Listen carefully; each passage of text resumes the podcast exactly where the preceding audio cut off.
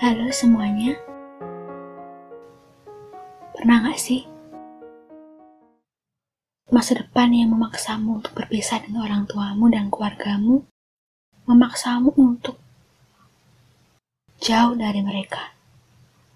Ya, seperti anak rantau, di mana mereka ingin sekali berkuliah di kota yang memang jauh dari rumah mereka untuk masa depan mereka dan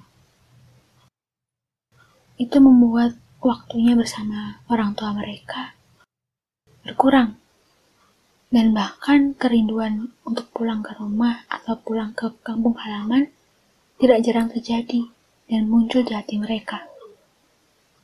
Cerita request dari seseorang dengan inisial G ini cocok buat kamu. Berjajah dalam karya berjudul Kerinduan yang Terbalaskan. Piringan hitam itu masih ada kan? Dia tidak akan pergi secepat itu. Selama berbulan-bulan, Awan berbentuk piring hitam itu terus meredupkan kota. Listrik dengan watt yang besar pun tidak bisa menerangi kota ini seutuhnya. Semua orang panik dengan keadaan ini. Tak jarang berita tentang orang hilang meracuni akal seluruh penduduk di kota ini. Akal yang tenang kini berubah menjadi kepanikan yang berlebihan. Tentu saja, berita itu semakin mengerikan. Ditambah, terdapat banyak orang yang menghilang ketika mereka keluar dari zona nyamannya, yaitu rumah. Suasana gelap yang tercipta di dalam rumah tak kalah mengerikan dari piringan hitam itu. Aku membuka pintu dan kembali melihat kedua orang tuaku beradu mulut dengan berbekal senjata di tangan mereka. Aku berusaha untuk tenang, sembari mencari waktu untuk menyapa ayahku yang terlihat banyak mengalah dalam pertikaian ini. Ya, mau kopi? Boleh nak. Secangkir kopi hangat aku padukan dengan senyuman di bawah kumis tipisku, membuat ayah perlahan memperlihatkan senyumnya di balik jenggotnya yang lebat itu. Maaf ya nak, Ayah tidak bisa membuatmu nyaman di rumah karena pertengkaran itu. Tidak apa ya, aku sudah cukup bahagia bertemu dengan kalian. Apa kabar dengan istrimu? Dia baik-baik saja ya. Keluarga besarnya kini menemaninya di rumah. Kamu tidak ingin pulang menemui istrimu. Ayah pikir kamu lebih bahagia jika seperti itu. Tidak ya, Aku memilih untuk berada di samping ayah sementara ini. Ya, setidaknya sampai piringan hitam itu menghilang. Ayah menenggukkan kopi sembari mengusap jenggotnya yang terlihat sedikit berantakan. Karena lupa ia rapikan. Ya, ayah tidak marah melihatku yang baru bisa menemui ayah saat ini. Mengapa ayah harus marah? Ayah mengerti kamu memiliki kesibukan, nak. Hmm, maaf ya. Dengar. Mungkin memang dulu kita pernah berada di situasi di mana ayah terus menuntut kamu untuk terus ada di samping ayah. Namun, ayah sadar itu adalah tindakan yang salah. Ayah harus bisa mengerti kesibukanmu. Aku menatap ayah yang tiba-tiba saja membersihkan sesuatu dari ekor matanya. Aku hanya berharap itu bukanlah air mata. Piringan itu hadir supaya aku bisa bertemu denganmu ya. Mungkin saja ini teguran agar aku tetap mengingatmu meskipun aku sedang sibuk-sibuknya. Ayah juga mikir begitu. Piringan hitam itu memang datang membawa kekhawatiran banyak orang, namun ayah mampu mendapatkan hal baik dari kejadian alam itu. Percakapan yang menarik memaksa mulutku untuk menyeruput kopi buatan tanganku.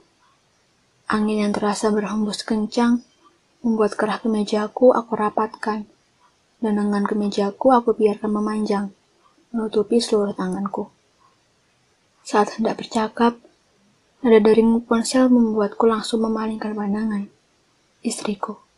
Ya, dia menelponku. Aku mengangkatnya sembari merasakan kelenggak yang luar biasa. Dari dalam lubuk hatiku yang sebenarnya sangat merindukannya. Permintaannya kemudian membuatku menjauhkan ponselku dari telingaku. Ya, istriku ingin bicara dengan ayah. Ayah menerima ponselku dengan sumringah. Aku menatap ibu yang terlihat sibuk membersihkan dapur. Perlahan, aku membiarkan ayah bercakap dengan istriku dan aku menyapa ibu. Aku bantu, Bu. Ibu hening dan membiarkanku mengambil kain yang terus ia pegang. Ibu ingin apa? Aku buatkan teh ya. Ibu tersenyum dan mengangguk setuju dengan tawaranku. Setelah selesai mengaduk, secangkir teh aku berikan sembari memberikan kecupan kening di kening ibu. Setelah selesai mengaduk, secangkir teh aku berikan sembari memberikan kecupan di kening ibu.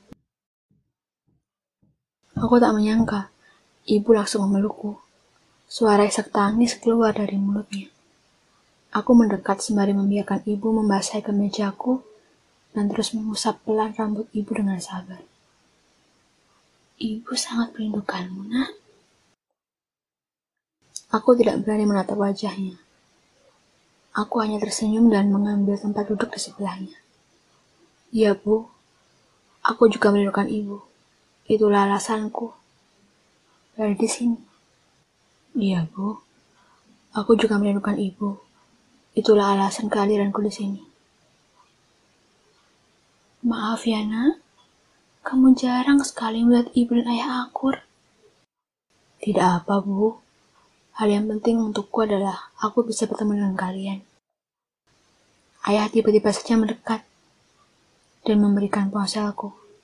Aku pun menatap ayah dengan berharap ayah mau bercengkerama bersamaku dengan ibu. Aku merasa ayah paham dengan maksudku dan membuatnya memindahkan kopi yang ada di terasnya ke dapur. Coba ayah duduk lebih dekat dengan ibu. Ayah tak ambil pusing untuk ragu melakukannya. Ia langsung mendekatkan kursi dan membuat ibu sedikit menjauhkan kursinya dari ayah. Ibu, aku berusaha memujuk ibu agar ia bisa bertahan dengan tempat duduknya yang dekat dengan ayah. Kini, ibu menurut. Kalian adalah pasangan paling serasi yang pernah aku lihat selama ini. Senyuman muncul di wajah ayah tetapi tidak di wajah ibu. Ibu memilih diam dan melipat tangannya. Maafkan aku ya, Bu, aku belum bisa menjadi anak yang baik untuk kalian. Ini biarkan aku memperbaiki semua yang sudah berlalu menjadi lebih baik. Apakah aku bisa? Ya, Bu. Ibu dan ayah mendiamkanku. Suara seruputan yang ayah perdengarkan membuatnya mulai angkat bicara. Hmm, ayah malu denganmu, nak kamu tidak sangat berani menyesali kesalahanmu. Berbeda dengan ayah. Ayah bahkan selalu berusaha menutupi semuanya. Ibu juga malu, nak. Ibu selalu menyalahkan ayahmu, padahal ibu juga bersalah.